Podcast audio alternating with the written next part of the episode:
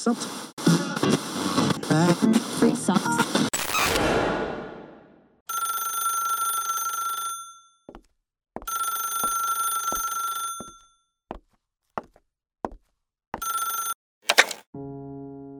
halo semuanya, lu semua lagi dengerin gue Gary Ardian Gimana puasanya buat yang menjalankan? Semoga masih pada kuat. Semoga masih pada nggak ngegibah di siang hari Jadi puasanya tetap afdol Gue lagi pengen ngebahas nih soalnya eh, Sesuatu yang penting banget tapi jarang diobrolin sama orang gitu ya. Sudut pandang orang ketiga. Makanya gue uploadnya abis maghrib supaya kalian kalau misalnya ada kekesalan-kekesalan tersendiri sama pelakor-pelakor ini apalagi yang baru nonton drama Korea yang lagi hits banget itu ya yang lagi ngomongin soal pelakor. Gila kasihan gue sama aktrisnya. Kolom komentarnya netizen Indo ya. Parah banget Cuman gue yakin itu tidak ada satupun di antara mereka yang jadi followers gue. Kalau ada nih denger, aduh Bang Gir gue juga ikut komen di kolom komentar aktris itu yang macem-macem. Tapi denger podcast ini, bertobatlah segera. Terus kalau misalnya ada yang baru dengerin podcast gue, tapi belum dengerin podcast-podcast sebelumnya, jangan cuman kejebak sama obrolan ini, karena nggak ada satupun maksud di dalam hati gue untuk mendukung orang ketiga.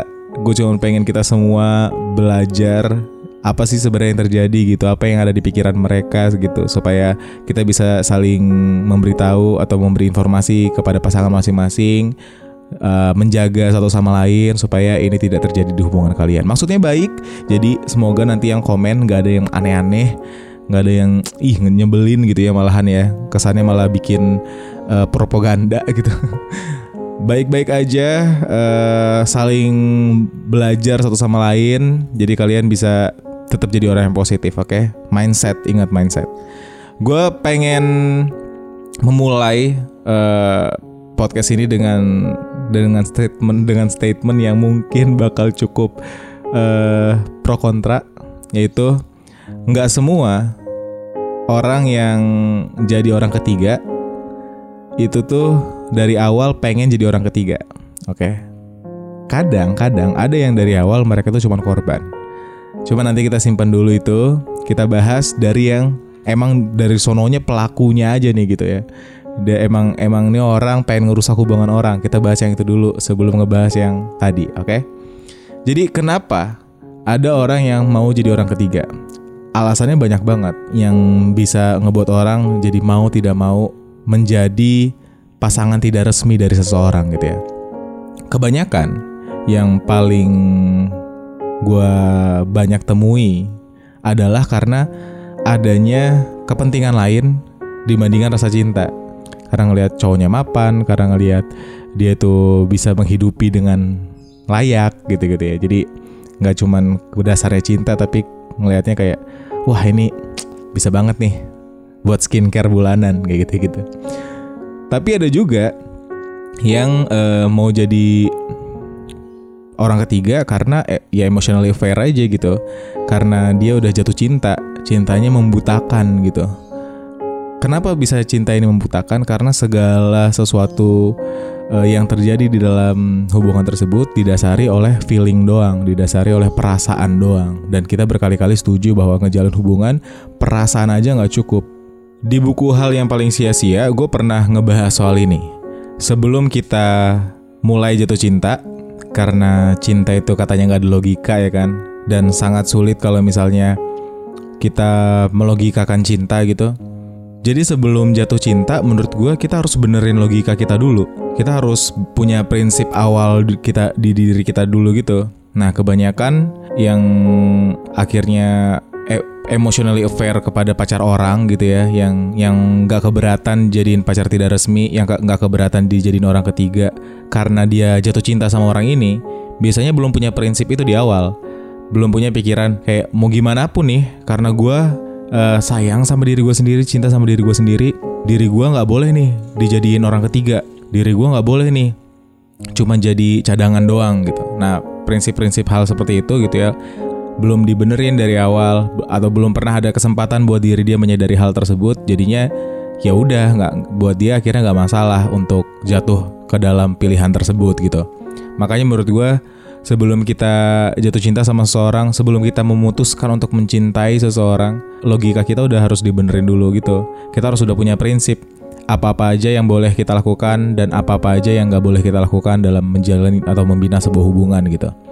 Itu buat yang punya emotionally affair kepada pacar atau suami orang atau istri orang gitu. Tapi ada juga nih tipe orang yang emang nggak peduli sama uh, gimana pun kondisinya meskipun dia udah punya pasangan gitu tapi dia eh, nggak uh, peduli mau mau tetap jadiin si orang itu sebagai pasangannya dia doang gitu ya ini tuh juga sama uh, ada masalah di diri mereka juga gitu. Entah mereka nggak sayang sama diri sendiri atau mereka justru terlalu hanya memperdulikan dirinya sendiri. Jadi ya karena kalau yang pertama nggak sayang sama dirinya sendiri ya dia cuma peduli gimana caranya uh, dia tuh dapat orang yang dia sayang gitu. Meskipun dirinya nggak jadi yang pertama meskipun dirinya nggak jadi yang resmi gitu. Yang penting dia ngedapetin uh, orang yang dia suka gitu. Ya jadinya ya merasa dibutakan oleh cinta kan. Yang kedua bisa jadi dia cuma peduli sama dirinya sendiri. Dia nggak peduli nasib nasib uh, orang yang dia kecewakan gara-gara pacarnya diambil dia nggak peduli juga nantinya kehidupan bakal kayak gimana. Yang penting kepentingan dia yang penting uh, apa yang dia mau itu tercapai gitu. Jadi ya udah uh, mau gimana pun keadaannya kayak segala sesuatu itu dibenarkan gitu membenarkan segala cara gitu untuk untuk ngedapetin apa yang dia mau gitu pokoknya kalau uh, berdasarkan faktor-faktor ini kebanyakan karena dia tuh kadang kurang kurang berkompromi sama dirinya sendiri gitu, kurang diskusi gitu. Apa sih sebenarnya yang kita mau? Apa sih yang sebenarnya nggak boleh? Apa sih yang sebenarnya harus kita lakukan ke depannya gitu? Itu tuh nggak pernah ada obrolan seperti itu biasanya. Terus kalau misalnya ngomongin soal pelakor, kita juga harus ngomongin soal gimana sih sebenarnya nih uh, buat mereka-mereka yang sebenarnya terjebak di dalam sebuah hubungan itu gitu. Karena ada aja kan orang yang merahasiakan hubungannya gitu di awal karena takutnya uh, kita kabur duluan kalau udah tahu kita udah punya pasangan gitu. Karena udah menginvestasikan waktu uh, kita juga nggak bisa ngapa-ngapain setelah tahu dia udah punya pasangan gitu kan. Ada kan orang yang kayak uh, didimin, dirahasiakan selama sekitar misalnya satu, tahun. Kita di, dia kita itu nggak tahu kalau dia itu punya pacar gitu ya dibikin begitu kondisinya. Nggak pernah ngomongin nggak pernah ngebahas.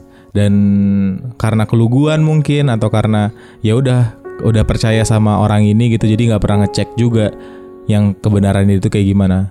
Tiba-tiba setahun kemudian muncul fakta gitu kalau ternyata dia udah punya pacar gitu kalau atau ternyata dia udah punya pasangan udah nikah gitu. Kita harus kayak gimana kalau udah kayak gitu? Sementara investasi waktunya udah banyak banget gitu. Kita udah jatuh terlalu dalam kita udah nyaman menjalin hubungan sama dia kayak gitu. Nah yang kayak gini nih yang gue kadang uh, ambi apa ya kayak ngerasa ini sebenarnya dia tuh korban atau atau gimana ya gitu. Kayak apa ya yang salah gitu? Kenapa kenapa dia bisa ada terjebak di hubungan seperti ini gitu?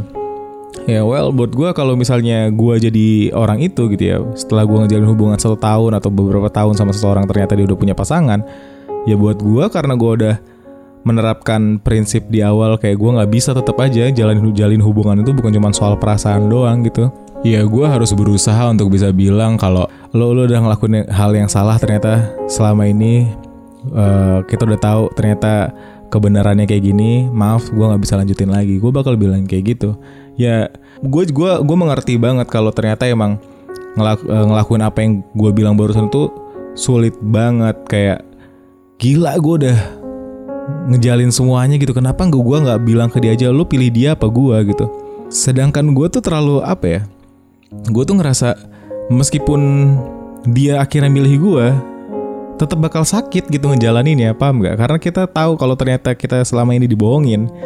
Jadi kalau misalnya kondisinya kayak gitu gue bakal bilang ya udah lo udah nyakitin gue biarkan gue dapet yang lebih baik.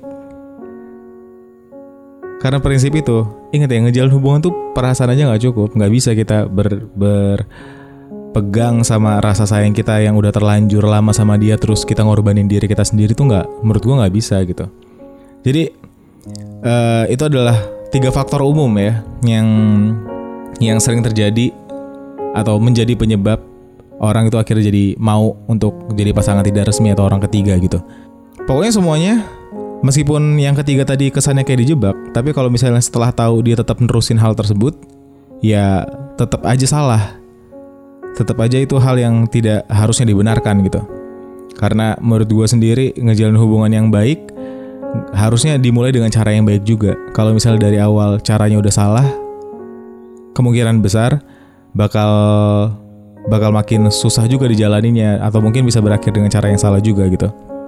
Jadi gue rasa kita udah uh, sedikit banyak menemukan kesepakatan gitu kenapa seseorang itu bisa jadi pelakor atau orang ketiga gitu. Karena mereka tuh punya kepentingan lain terus ada yang juga yang emotionally aware tapi nggak di maintain dengan baik gitu ya nggak nggak bener dulu logikanya sehingga dia jadi dibutakan oleh cinta dan ada juga yang terjebak gara-gara rahasia yang disimpan oleh pasangannya gitu yang pada akhirnya kalau misalnya itu dilanjutin juga tetap aja salahnya dia gitu so kalau lo adalah orang yang kepikiran untuk jadi pasangan tidak resmi atau orang ketiga atau pelakor, mendingan menurut gue lo harus pikir-pikir lagi gitu.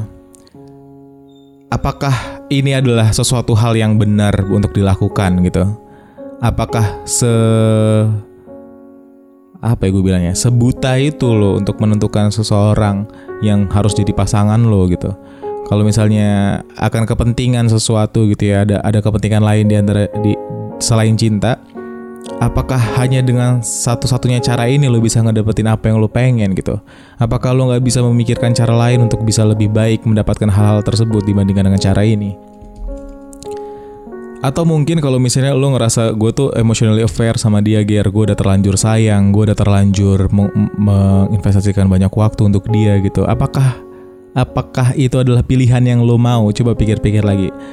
Karena bisa jadi cuman karena lo belum punya perbandingan lain aja untuk dijadikan pilihan selanjutnya gitu. Kita bisa jatuh cinta berkali-kali kepada orang yang berbeda kok. Kalau misalnya kita setelah ini nggak sama dia lagi, kita bakal menemukan yang jauh lebih baik kok tenang aja gitu. Apakah karena itu lo bertahan sama dia atau kenapa nih yang mendasari pikiran lo merasa kalau lo nggak bisa keluar dari zona ini gitu? Karena tadi menurut gue emang ketika kita dibutakan sama sesuatu yang berhubungan dengan perasaan, satu-satunya obat adalah dengan bertanya sama logika kita gitu. Apakah ini adalah sesuatu yang benar untuk dilakukan atau tidak gitu. Coba pak gunakan atau asumsikan diri lo jadi orang lain dulu, terus lo review diri lo sendiri sebagai orang lain gitu. Kalau misalnya lo itu orang lain, apakah tindakan itu lo benarkan atau enggak? Lagi pula, seberapa yakin kalau misalnya lo ngejalin hubungan ini nantinya bakal berakhir baik gitu. Karena dimulainya aja udah udah nggak baik gitu. Seberapa yakin kalau misalnya dia aja sekarang punya pacar terus mau selingkuh sama lo dan nantinya ternyata dia memilih lo, seberapa yakin lo itu bisa memastikan dia itu nggak bakal selingkuh lagi. Se sementara memulai hubungan sama lo aja awalnya dia selingkuh gitu. Apakah ini akan berakhir baik menurut lo gitu? Terus lu juga bisa bertanya nih, apakah dia sebenarnya benar-benar cinta sama lo sampai mau menjadikan lo uh, orang ketiga gitu? Karena kalau menurut gue kalau misalnya dia beneran cinta sama lo, ya dia nggak mungkin ngejadiin lo orang ketiga. Karena biasanya uh, lo tuh cuma sebagai pelarian. Kalau misalnya emosi secara emosional nih, ya, lo tuh cuma sebagai pelarian. Ada hal yang gak dimilikin pacarnya, terus lo jadi pelengkap nih. Lo tuh cuma jadi pelengkap Eh, hal-hal uh, yang gak dimiliki pacarnya. Atau ya udah emang dia punya kepentingan aja sama lo gitu. Karena kebanyakan perselingkuhan kan nggak dimulai dengan love kan tapi lust atau gairah atau nafsu gitu. Ya selama lo bisa ngasih itu ya ya udah lo tuh sebagai sebagai pemenuh kebutuhan itu aja gitu. Tapi apakah dia mencintai lo beneran? Silahkan tanya ke diri lo sendiri gitu. Terus kalau misalnya lo masih terus bersikeras gitu ya untuk mencoba agar dia memilih lo gitu. apakah nanti lo benar-benar bahagia kalau misalnya tetap diterusin? Karena ini tuh udah jadi bagian dari histori kalian berdua kalau misalnya udah tahu uh, kalian tuh ngejalin hubungan dengan awalnya caranya seperti ini gitu. Lama kelamaan lu bakal tertekan kalau dilanjutin karena ya emang dari awal juga dimulai dengan cara yang salah gitu. Terus ngapus memori itu nggak bakal gampang. Ke depannya gue nggak tahu bisa jadi kalian hubungan jadi posesif, bisa jadi banyak toksik di dalamnya gitu karena perkenalannya salah aja gitu. Bisa jadi perselingkuhannya terulang karena karena kalau ngelihat dari cara kalian memandang hubungan kelihatannya kayak perselingkuhan itu bukan sesuatu yang bisa disalahkan gitu kan. Secara tidak langsung loh itu. Jadi ya ada kemungkinan nantinya bakal berulang gitu. Ya, jadi lu bisa bayangin kalau misalnya itu terjadi di lu kayak gimana gitu. So, menurut gua inti dari obrolan kita hari ini adalah kita tuh nggak bisa ngejalan hubungan cuman atas dasar maunya kita kayak gimana aja gitu. Kita harus memikirkan banyak hal yang menjadikan pondasi dalam hubungan itu udah bener dulu gitu. Kalau misalnya ternyata lo memulai dengan pondasi yang berantakan, yaitu menjadikan resiko guncangnya rumah tangga itu tuh jadi lebih besar gitu kan. Terus juga ini tuh ngajarin kita untuk jadi lebih menghargai diri kita sendiri gitu kalau misalnya kita emang beneran cinta diri kita sendiri dulu dari awal, harusnya ketika ada yang ngajakin berhubungan tapi nggak dijadikan pacar yang resmi, kita bisa menolak gitu. Kayak kita bukan bukan orang yang semurah itu gitu untuk untuk jadi selingkuhan gitu. And then gue juga ngajakin lo untuk lebih berempati sama pasangan mereka masing-masing gitu. Kayak kalau misalnya lo udah tahu pacar lo sekarang ini ternyata udah punya istri atau udah punya pacar gitu yang lainnya lo harus ngerasain juga gitu gimana perasaannya dia gitu. Nggak boleh saya egois itu dalam ngejalin hubungan karena menurut gue itu semua demi kebaikan kita juga nantinya. So gue rasa ini bakal jadi diskusi yang terbuka silahkan kasih komentar tambahan lo mengenai topik ini di kolom komentar dengan cara yang baik supaya kita bisa menambah lagi ilmu-ilmu selanjutnya dan kita bisa belajar satu sama lain. Yang pasti menurut gue ngejalin hubungan awalnya selingkuh itu bukan cara yang baik atau cara yang dianjurkan, oke? Okay? Lo harus lebih berhati-hati lagi ke depannya. Good luck buat hubungannya ya.